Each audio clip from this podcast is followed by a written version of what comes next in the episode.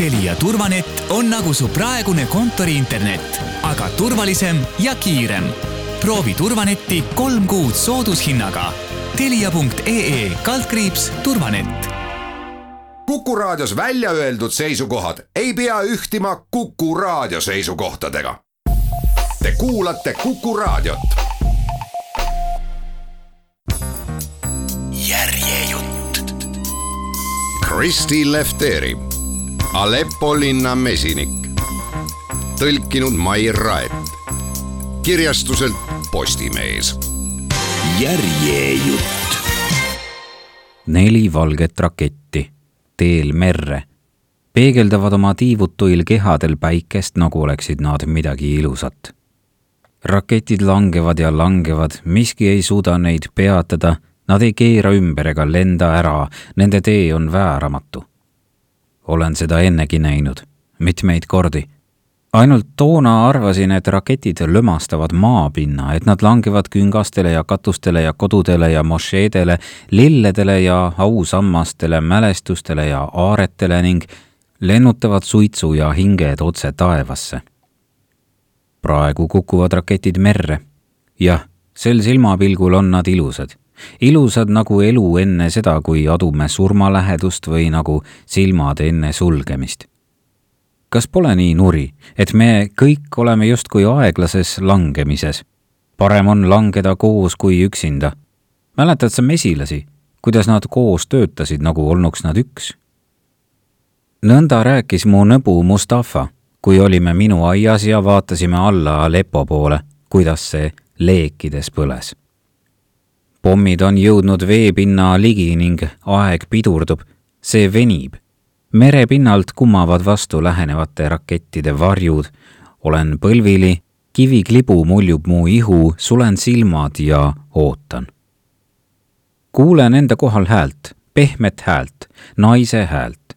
ta seisab vastu päikest tume varivalguse taustal, tema kõrval on laps. kõik on korras, kullake. naine sirutab mulle käe. Ma ei võta sellest kinni. kas kõik on hästi, kas kutsun kiirabi? ta kummardub mu kohale tüdruk tema kõrval hoiab käes ämbrit ja kühvlit. märkan siis, et hoian kätega kramplikult oma rinnust. ei, ütlen. vaatan mere poole, vesi on vaikne, üksnes valgus virvendab ja väreleb, taamal vasakul on kai, mille peal on lõbustuspark, kostab muusikat. aga pommid, ütlen. pommid? Siis näen linde õhku tõusmas nelja kajakat, kes kaovad eredasse sinisesse taevasse. kardan oma naise silmi. tema ei näe välja ja keegi ei näe sisse. tema silmad on nagu kivid, hallid nagu kivid mererannas. vaadake teda. vaadake, kuidas ta istub voodiserval, öösärk põrandal, keerutab näppude vahel Muhammedi marmorkuuli ja ootab, et ma ta riidesse paneksin ma ei kiirusta oma särgi selga panemise ja pükste jalga tõmbamisega, sest olen naise riietamisest surmani väsinud. vaadake neid volte ta kõhul, mille värv meenutab kõrbelilledelt korjatud mett ja mille toon on sügavamate kurdude juures tumedam. õhkõrnu hõbedasi joonekesi ta rindadel ja sõrmeotsi, mille tillukestesse kriimudesse on sinise, kollase või punase värviga peitsitud künkanukkide ja orgude muster vaadake teda, sest ma kardan, et ta on aegamisi kustumas. nägin öösel segaseid unenägusid, ütleb ta. terve tuba oli neid täis. tema pilk on kinnitatud minust veidi vasakule. tunnen iiveldust. mis see tähendab? unenäod olid katki, need olid igal pool laiali ja ma ei saanud aru, kas see kõik oli unes või ilmsi. unenägusid oli nii palju, tuba oleks nagu mesilastest kubisenud ja ma ei saanud hingata. ja ma ärkasin üles ja palusin mõttes, et mul kõht tühjaks ei läheks. vaatan segaduses ta nägu, see on endiselt ilmetu. ma ei ütle talle, et näen nüüd unes ainult seda tapmist. unenägu on alati üks ja sama. seal olen vaid mina ja see mees, minu veritsevas käes on kurikas. rohkem ei ole unenäos kedagi mees lamab kõrguvate puude all maas ja ütleb mulle midagi, aga ma ei kuule, mida. ja mul valutab, ütleb naine. kust? Silmade tagant. valu on väga terav. põlvitan ta ette maha ja vaatan talle silma. tema elutu tühi pilk tekitab minus kõhedust. võtan taskust telefoni ja lülitan sisse taskulambi, et talle sellega valgust silma näidata. pupillid ahenevad. kas sa üldse ei näe, küsin.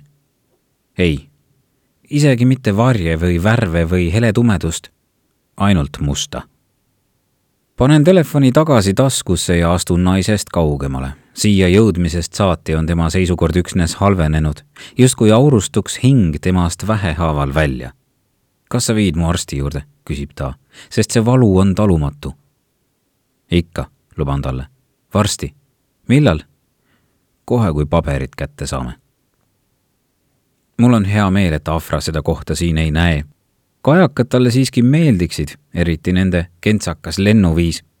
Aleppos elades oli meri meist kaugel, olen kindel, et kajakad oleksid teda rõõmustanud ja ehk isegi rannik, sest ta kasvas üles mere ääres. mina aga olen pärit Aleppo lääneosast, kus linna piirab kõrb. kui me abiellusime ja Afra minu juurde kolis, tabas teda nii suur mereigatsus, et ta hakkas igal võimalusel vett maalima Süüria kuival mägismaal võib nii mõneski paigas kohata oaase, ojasid ja jõgesid, mis suubuvad soodesse ja väikestesse järvedesse. enne Sami sündi järgnesime alati veele ja Afra maalis veekogudest õlivärvidega pilte. tal oli üks maal Kuvaiki jõest, mida ma tahaksin veel kord näha. maalil oli kujutatud jõge läbi linnapargi kulgeva vihmavee äravoolutoruna. Afra oskas maastikes tõtt tabada tal oli selle peale annet. See õnnetu jõekese pilt tuletas mulle meelde igapäevast võitlust ellujäämise nimel. umbes kolmkümmend kilomeetrit Aleppost lõunas on jõgi sunnitud Süüria karmile stepile alla vanduma ja sellest saab ebamäärane soine pinnas. kardan oma naise silmi ent need rõsked seinad, laes jooksev juhtmestik ja infotahvlid ma ei tea, kuidas ta oleks neisse suhtunud, kui ta silm oleks seletanud. Just praegu annab üks tahvel väljas ukse kõrval teada, et meid on siin liiga palju, et see saar vajub meie raskuse all kokku. mul on hea meel, et ta on pime. tean, kuidas see kõlab. kui ma võiksin talle anda võtme, mis avaks ukse teistsugusesse maailma, võiks ta jälle nägijaks saada. aga too maailm peab tõesti teistsugune olema selline, kus tõusev päike puudutab nonde seinte taha jääva iidse linna müüre ja kärjekanne meenutavaid kvartaleid ja maju ja kortereid ja hotelle ja kitsaid põiktänavaid ja turgu lahtise taeva all, kus tuhat välja riputatud kaelakeed sätendavad esimestes valguskiirtes ning eemal kõrbes langeb kuld kullale ja punane punasele. ka Sami oleks seal, nägu naerul ta jookseb kulunud potastes mööda kõrvaltänavaid kaupluse poole peos vahetusraha piima ostmiseks. kui teil tuleb kunagi kedagi suremas näha, ärge vaadake neile silma. üritan Samile mitte mõelda. aga Muhammed, mustasilmne Muhammed, ootan endiselt, et ta leiaks kirja ja raha, mille ma talle Nutella purgi alla jätsin. Samile ei või ma lasta endal mõelda aga Muhammed, ma usun, ilmub veel välja. olen kindel, et ühel hommikul koputab keegi uksele ja kui ma selle avan, seisabki ta seal ja ma ütlen talle, kuidas sa küll siia jõudsid, Muhammed, kuidas sa teadsid, kust meid leida? nägin eile ühiskäimla uduseks tõmbunud peeglis üht poissi. tal oli seljas must T-särk, aga kui ümber keerasin, oli see hoopis marokolane, kes vetsupotil istus ja kusi sa võiks ukse kinni panna, ütles ta oma araabia emakeeles. ma ei mäleta mehe nime, aga mul on meeles, et ta oli pärit Taasa küla lähedalt Er-Rifi mägede jalamilt. ta ütles mulle eile õhtul, et ilmselt saadetakse ta Jarlswoodi nimelisse väljasaatmiskeskusesse, sotsiaaltöötaja arvates olla see tõenäoline. mina kohtun sotsiaaltöötajaga täna pärastlõunal marokolane ütles, et naine on väga ilus, nägevat välja nagu üks Pariisi tantsijanna, kellega ta kunagi ammu enne oma naisega abiellumist ühes Rabati hotellis oli armatsenud. ta uuris minu käest Süüria elu kohta. rääkisin talle oma mesitarudest Aleppos. õhtuti toob majaperenaine meile piimaga teed. marokolane on vana, kuskil kaheksa või üheksakümne aastane ta näeb välja ja lõhnab, nagu oleks ta tehtud nahast. ta loeb raamatut Kuidas saada britiks ja muigab vahel endamisi. oma mobiiltelefoni hoiab ta süles ja teeb iga lehekülje lõpus väikese pausi, et pilk selle ekraanile heita, kuigi keegi talle kunagi ei helista. ma ei tea, kelle kõnet ta ootab ja ka mitte seda, kuidas ta siia sattus ning miks ta nii kõrges eas sellise teekonna ette võttis, sest ta näeb välja nagu keegi, kes ootab surma. Talle ei meeldi mitte üks põrm, et mitte moslemitest mehed tühjendavad põit seistes. selles alla käinud mereäärses hostelis elame umbes kümnekesi. ehkki oleme tulnud maailma erinevatest osadest, ootame ühiselt. võib-olla võetakse meid riiki vastu võib-olla saadetakse tagasi, rohkemat siin otsustada pole. missugune tee valida, keda usaldada, kas tõsta veel kord kurikas ja tappa mees, see kõik on minevik. kõik saab viimaks sooks, nagu too jõgigi. võtan kapist ahvra riidepuul rippuva abaja. ta kuuleb mind seda tegemas, tõuseb ja tõstab käed ta näeb vanem välja, käitub aga lapselikumalt, nagu olekski ta tagasi lapseks muutunud. tema juuksed meenutavad nii värvilt kui tekstuurilt liiva. Passipiltide jaoks värvisime tal juuksed ära, üritasime tast araablast välja pleegitada.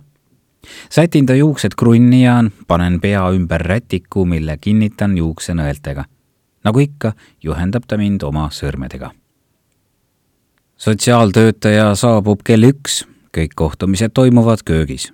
ta tahab teada, kuidas me siia jõudsime ja otsib põhjusi, miks meid tagasi saata. Aga ma tean, et kui ütlen õigeid asju, kui mul õnnestub teda veenda, et ma pole mingi mõrtsukas, lubatakse meil siia jääda, sest oleme need õnnelikud, kes on põgenenud maailma kõige hirmsamast riigist. marokolasel nii suurt õnne pole, talt nõutakse palju enama tõendamist praegu istub ta elutoas terrassile viivate klaasuste juures ja hoiab peos taskukella, nagu oleks see haudemuna. ta jõllitab ainiti kella, ootab. Aga mida? mind märganud, ütleb ta. tead sa, see ei tööta enam. jäi seisma ühes teises ajas. ta tõstab selle kettipidi õhku ja kiigutab seiskunud kella, mis on tehtud pronksist ja on sama värvi nagu all kaugusest paistev linn. elasime künka otsas ühe magamistoaga bangalos. Nii kõrgel elades hakkas linna kaootiline arhitektuur selgelt silma, aga samas võis näha ka ilusaid kupleid ja mošeetorne. ning kauguses oli aimata terendavaid tsitadelli kontuure. kevadel oli mõnus terrassil istuda õhus oli kõrbemulla lõhna ja silmapiiri taha loojuv punane päike pakkus silmailu. Suvel aga passisime toas ventilaatori ääres, niiskeks tehtud rätik peas ning jalad külma veega täidetud kausis, sest kuumus oli kõrvetav nagu prae ahjus. Juulis oli maapind kuumusest tuhkuiv, ent meie aias kasvasid aprikoosi ja mandlipuud, tulbid, iirised ja püvililled. Kui jõgi ära kuivas, läksin alt niisutustiigist vett tooma, et aeda haljana hoida. Ent augustikuuks oli mul tunne, nagu üritaksin ma laipa elustada ning lasin sel kõigel oma silme all närtsida ja ümbritseva maastikuga üheks saada jahedamatel päevadel läksime välja jalutama ja vaatasime, kuidas pistrikud üle taevalaotuse kõrbe poole lendasid. mul oli aias neli üksteise otsa tõstetud mesitaru mulle ei meeldinud mesilastest kaua eemal olla. Ülejäänud tarusid hoidsin Aleppo lääneosa ääremaale jääval põllulapikesel. tõusin hommikuti väga vara veel enne päikesetõusu ja mõssini palvekutseid. mesila asus minu kodust peaaegu viiekümne kilomeetri kaugusel, jõudsin sinna täpselt päikesetõusu ajaks kui valgus väljad üle uhas ning mesilaste sumin kõlas kui üksainus puhas noot mesilased elasid ideaalse kogukonnana, väikese paradiisina keset kaost. töömesilased lendasid toidu hankimiseks pikki vahemaid, nad eelistasid nektari korjamiseks kõige kaugemaid põlde, et leida sidruniõisi, ristikheina, aedmustköömneseemneid ja aniisi, eukalüpte, puuviljataimi, okaspõõsaid ja kanarpikku. hoolitsesin mesilaste eest, toitsin neid hoidsin eemal kahjurid ja jälgisin putukate tervist. vahel ehitasin uusi tarusid, poolitasin mesilasperesid või kasvatasin uusi mesilasemasid. võtsin ühest mesilasperest vastse ja vaatasin pealt, kuidas amm-mesilased teda mesipiimaga söötsid. hiljem saagikoristuse ajal kontrollisin tarud üle kui palju olid mesilased jõudnud mett valmistada. seejärel panin kärjed meevurri, eemaldasin kaanetise, et pääseda ligi kuldsele meele selle all ning täitsin toobrid. minu ülesanne oli mesilasi kaitsta, hoida neid terve ja tugevana, nemad aga omakorda valmistasid mett ja kandsid laiali õietolmu, kõike selleks, et meid elus hoida minu nõbu Mustafa oli see, kes minus huvi mesilaste vastu oli äratanud nii tema isa kui vanaisa olid pidanud mesilasi Anti-Liibanoni mäestikust läände jäävates rohelistes orgudes. Mustafa oli poisikese südamega geenius. ta õppis kõrgkoolis ja temast sai Damaskuse ülikooli professor, kelle uurimisalaks oli mee täpse koostise määramine. kuna ta pendeldas pidevalt Damaskuse ja Aleppo vahel, palus ta mul oma mesitarude eest hoolt kanda õppisin temalt mesilaste käitumise kohta väga palju ja ta õpetas mulle, kuidas nendega ümber käia. kuumus muutis kohalikud mesilased tigedaks, kuid Mustafa näitas, kuidas neid mõista. kui ülikool suveks uksed sulges, viibis Mustafa minu juures Aleppos. tegime mõlemad pikki tunde kõvasti tööd, lõpuks mõtlesime ka ise nagu mesilased, me isegi toitusime nagu mesilased, sõime meega segatud õietolmu, et kuumusele vastu panna alguses, kui olin veel kogenematu, alles kahekümnendate eluaastate alguses, olid meie tarud tehtud mudaga kaetud taimsest materjalist. hiljem vahetasime korgitamme pakud ja terrakotatarud puitkastide vastu välja ning varsti oli meil üle viiesaja mesilaspere. tootsime aastas vähemalt kümme tonni mett. mesilasi oli nii palju ja nad tekitasid minus tunde, et olen tõepoolest elus Neist eemal viibimine oli otse kui mõne suure peo lõppemine. hiljem, kui Mustafa tütar Aja ülikooli lõpetas, temagi õppis põllumajandust ja astus oma isa jälgedes, tuli ta aastaks mesilasse tööle ja Mustafa avas uues linnaosas tema jaoks eraldi poe. meie mesilindude toodetud meele lisaks müüs aia mee põhjal valmistatud kosmeetikatooteid, mahlakas magusalt lõhnavaid kreeme ja seepe ja juuksehooldusvahendeid Aia oli toona veel väga noor, ent teadis juba siis, et läheb isa eeskujul põllumajandust õppima. nõnda panigi Mustafa kaupluse nimeks Aia paradiis ja lubas tütrele, et kui too hoolega õpib, saab ta ühel päeval poe endale. Aiale meeldis käia kaupluses seepe nuusutamas ja kreeme kätele määrimas. oma vanuse kohta oli ta väga terane. mäletan, kui ta kord ütles, kui maailmas poleks inimesi lõhnaks kõik nagu meie kauplus. rahulik elu polnud Mustafa jaoks. ta ihkas alati suuremate tegude ja sügavamate teadmiste järele. midagi sellist pole ma ühegi teise inimese juures enne näinud. edust hoolimata, isegi siis, kui meil olid kliendid Euroopas ja Aasias ja Pärsia lahe riikides, olin mina see, kes mesilaste eest hoolitses ainus, kellele Mustafa selle ülesande usaldas ta ütles, et erinevalt paljudest oli muus tundlikkust, mis aitas mõista mesilaste rütme ja mustreid. tal oli õigus. õppisin, kuidas mesilasi tõeliselt kuulata. ma rääkisin nendega, nagu oleksid nad üksainus hingav ja elav keha, sest vaadake, mesilased säilitavad oma terviklikkuse isegi siis, kui töömesilased suve lõpus lesed toidutagavarade säästmiseks tapavad. mesilased kasutavad üksteisega suhtlemiseks tantsu nägin palju aastaid ränka vaeva, enne kui neid putukaid mõistma hakkasin ja kui see mul viimaks õnnestus, polnud maailm minu jaoks enam endine. aastate möödudes aga kasvas kõrb tasapisi suuremaks. kliima muutus karmimaks, jõed kärbusid, põlluharjad kannatasid, üksnes mesilased pidasid põuale vastu. Te vaid vaadake neid pisikesi sõdalasi ütles Afra ikka, kui ta Samiga meile mesipuuaeda külla tuli, väike komps käe otsas. vaadake, kuidas nad töötavad, kui kõik muu nende ümber sureb. Afra palus alati vihma, sest ta kartis põuda ja liivatorme. kui mõni selline aga lähenes, võisime terrassilt näha, kuidas taevas linna kohal purpurpunaseks tõmbus ja kuulda, kuidas õhk atmosfääri sügavuses vilises.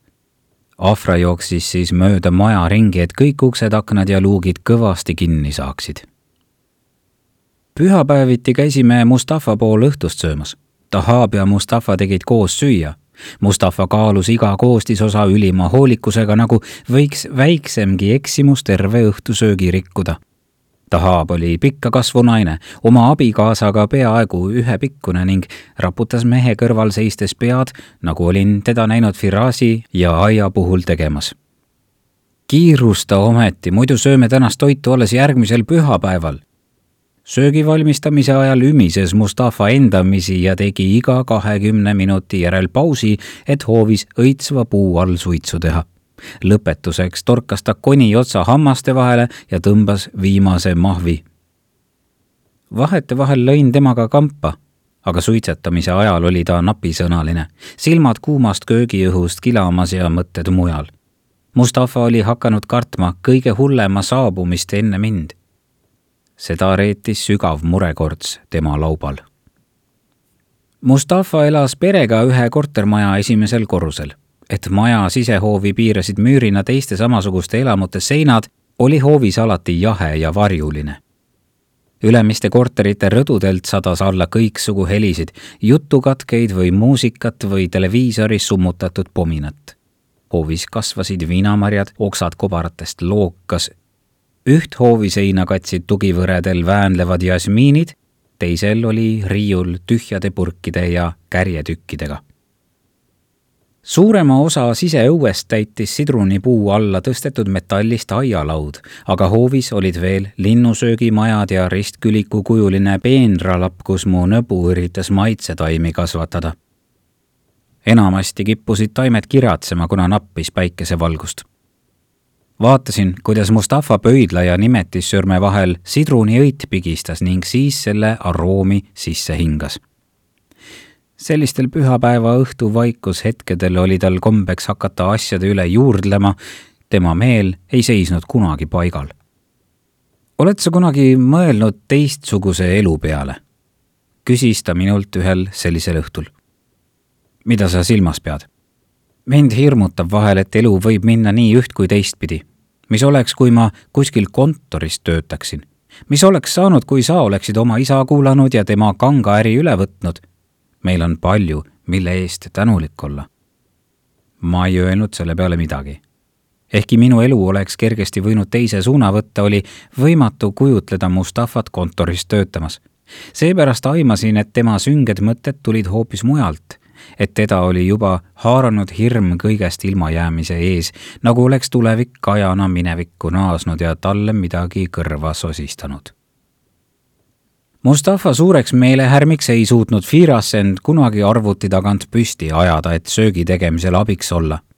Firas, hüüdis Mustafa kööki tagasi minnes, aja end üles, muidu kasvavad sul juured alla ent Firas, seljas varrukateta särk ja lühikesed püksid, istus elutoa korvtoolis liikumatult edasi. Ta oli pikliku näo ja pisut välja kasvanud soenguga kiitsakas poiss ning isa jutu peale trotslikult naeratades meenutas ta korraks kõrbes elavat Araabia hurda koera Salukit. Aia, kes oli vennast vaid aasta vanem, aitas lauda katta, Sami tema süles Sami oli kolmeaastane ja tundis end juba väga tähtsana. Aia andis talle kätte tühja taldriku või tassi ning mudilane võttis oma abistaja rolli väga tõsiselt. Sarnaselt emaga olid Aial pikad kuldsed juuksed ning Sami ampsas tüdruku kiharaid suhu ja lutsis neid lõpuks tulid kõik appi, isegi Firas, kelle Mustafa kättpidi toolilt püsti tiris ning taldrikud auravate roogade ja värviliste salatite, kastmete ja leivaga kanti välja sisehoovi. Vahel sõime punastest läätsedest ja bataadist keedetud suppi või baklažaanihautist veiselihaga või suvikõrvitsat või täidetud artišokke või aetoa hautist või peterselli pulgurisalatit või spinatit seedermänni seemnete ja granaatõunaga. Magustoiduks järgnesid mesimahlane baklavaa ja siirupised söörikud või ahvra tehtud aprikoosihoidised Firas vahtis oma telefoni ja Mustafa krahmas selle tal käest ning pistis tühja meepurki, aga päriselt vihaseks ei saanud ta poja peale kunagi. Nende vahel säilis alati teatav huumor, isegi tülitsedes. millal ma selle tagasi saan? küsis Firas. kui kõrbes lund sajab.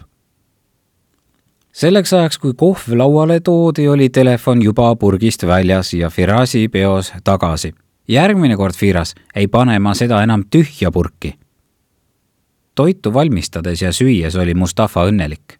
alles hiljem, kui päike oli loojunud ning öine jasmiinilõhn meid endasse mähkinud, eriti tuulevaikse ilmaga, kui õhk rõhuvalt paigal seisis, langes Mustafa palgeile rusuv tõsidus ja ma teadsin, et ta oli omis mõtetes. et öine vaikus ja pimedus olid jälle kandnud temani tulevikusosina nagu väike laps, kes ei suuda oma tundeid varjata, oli ka Mustafa näkku kirjutatud õud. tema silmad hirmust suured. mis sind vaevab, Mustafa? küsisin talt ühel õhtul, kui Tahab ja Afra olid läinud pärast õhtusööki musti asju nõudepesumasinasse panema. Tahabi lõkerdav naer ehmatas linnud lendu ja nad kadusid üle katuste ühe. viimasel ajal oled sa kuidagi teistsugune poliitiline olukord halveneb, lausus ta. aga seda ütles ta alati isegi küsimata. teadsin, et tal on õigus, ehkki kumbki meist ei tahtnud sellest rääkida, kuid seekord muljus ta suitsuotsa surnuks ja tõmbas käe seljaga üle silmade. asi läheb varsti väga inetuks. me ju kõik teame seda, eks? aga ometi proovime edasi elada, nagu poleks midagi juhtunud Mustafa pistis sõõriku suhu nii, nagu ta tahaks sellega öeldut veelgi rõhutada. protesti meeleavaldused ja kooliõpilaste tapmine Damaskuses polnud veel aset leidnud, kuid riik oli muutunud rahutuks. võib-olla juhtusin sel hetkel just maha vaatama või ehk nägi ta minu näos murevarju, sest kui ma taas silmad tõstsin, ütles ta juba naeratades. tead mis, kui õige mõtleks aia jaoks retsepte juurde mul on paar ideed, näiteks eukalüptimesi lavendliga. ja tema silmad särasid, kui ta sülearvuti klõpsuga lahti lõi ja uue seebi täpset koostist looma asus. ta kutsus ka Aia, kes parajasti Samiga mängis, enda juurde. küll see mudilane ikka armastas teda. Sami tahtis alati Aia läheduses olla. juba kahesena näis poiss vanem, kui tema aastad lasid arvata iseäralikud silmad olid tema pea kohta ebaharilikult suured, need olid alati pärani, alati valvsad, ümbruse suhtes tähelepanelikud, silmad, mis vaatasid, analüüsisid. poisi silmad olid sama värvi, mis emalgi, kivihallid või nagu vastsündinu silmad, enne kui need pruuniks muutuvad, ainult et Sami silmad ei läinudki pruuniks, aga samas ka mitte sinisemaks Sami käis aial sabas ja sikutas teda seelikust, aia võttis poisi seepeale sülle ja tõstis kõrgele, et näidata talle söögi alusel askeldavaid linde või putukaid ja sisalikke, kes üle maja seinte ja betooniga kaetud sisehoovi vilksasid. Isa ja tütar jälgisid retseptide juures hoolega erinevate meesortide pigmente, hapete ja mineraalainete sisaldust, et luua täiuslik kombinatsioon nagu Mustafa selle kohta armastas öelda. vähem tähtis polnud ka suhkrusisaldus, teralisus, niiskus, imavus ja säilivus. andsin neile soovitusi, mille nad naeratusega teadmiseks võtsid, kuid Mustafa mõistus töötas nagu mesilasel. temal olid ideed ja teadmised, minul aga oskused need ellu viia.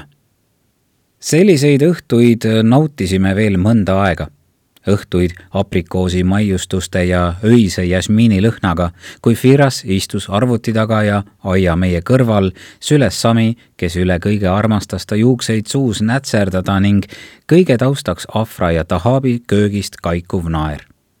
jah, sellistel õhtutel olime õnnelikud elu oli piisavalt normaalne, et lasta kahtlustel ununeda või vähemasti suutsime need hoida kuskil sügaval teadvuse pimedas salanurgas sellal, kui tulevikuplaane tegime. Tahab ja Aia lahkusid kohe pärast esimesi rahutusi. Mustafa veenis neid ilma temata teele asuma. kui mu nõo hirmud üha enam kinnitust leidsid, korraldas ta kõik väga kiiresti ümber, kuid ütles, et peab ise veidi kauemaks jääma, et mesilaste eest hoolitseda. algul arvasin, et Mustafa on liiga tormakas ja reageerib üle, et ema varajane surm tema lapsepõlves, mis oli teda kummitanud nii kaua, kui mäletan, muutis ta oma abikaasa ja tütre julgeoleku küsimuses kuidagi ülearu tundlikuks kuid just tänu sellele olid ta Haabja aia esimeste lahkujate seas ega pidanud õnneks nägema seda, mis järgnes. Mustafal oli Inglismaal üks sotsioloogia professorist sõber, kes oli sinna kolinud mõni aasta tagasi tööasjus ning kes oli Mustafale helistanud ja soovitanud tal tungivalt Ühendkuningriiki tulla, kuna oli veendunud, et olukord kodumaal üksnes halveneb Mustafa andis Tahabile ja Aiale reisi jaoks piisavalt raha, kuid jäi ise koos Firasiga Süüriasse. Nuri, ma ei saa mesilasi lihtsalt niisama maha jätta, sõnas ta ühel õhtul oma suure käega üle näo ja habeme tõmmates, nagu üritaks ta seda sünget ilmet, mis tema näolt enam ei kadunud, minema pühkida. mesilased on meie perekond enne kui asi tõsiselt hulluks läks, käisid Mustafa ja Firas meie juures õhtust söömas ning me istusime koos terrassil ja vaatasime alla linna poole ning kuulasime kaugete pommide kõminat ja nägime taevasse tõusvat suitsu. Hiljem, kui olukord veelgi halvenes, hakkasime arutama põgenemisplaane varajastel õhtutundidel oli meil kombeks koguneda minu hämaruses helendava gloobuse ümber ning Mustafa vedas näpuga mööda Tahabi ja Aia reisitrajektoori. Nende jaoks oli teekond lihtsam. Mustafa paksu nahast rahakoti vahel olid erinevate smugeldajate nimed ja telefoninumbrid. Nende rahalise seisu kontrollimiseks tutvusime nende raamatupidamisega ja tegime arvestusi põgenemise võimaliku maksumuse kohta millegi sellise hinda oli muidugi raske ennustada, kuna smugeldajad võisid oma tariifi käigu pealt muuta, kuid meil oli plaan ning Mustafale meeldisid hirmsasti kõiksugu plaanid ja nimekirjad ja tegevuskavad. Need andsid talle turvatunde. Aga ma teadsin, et see kõik oli öeldud pigem suusoojaks, sest Mustafa polnud veel valmis mesilastest lahkuma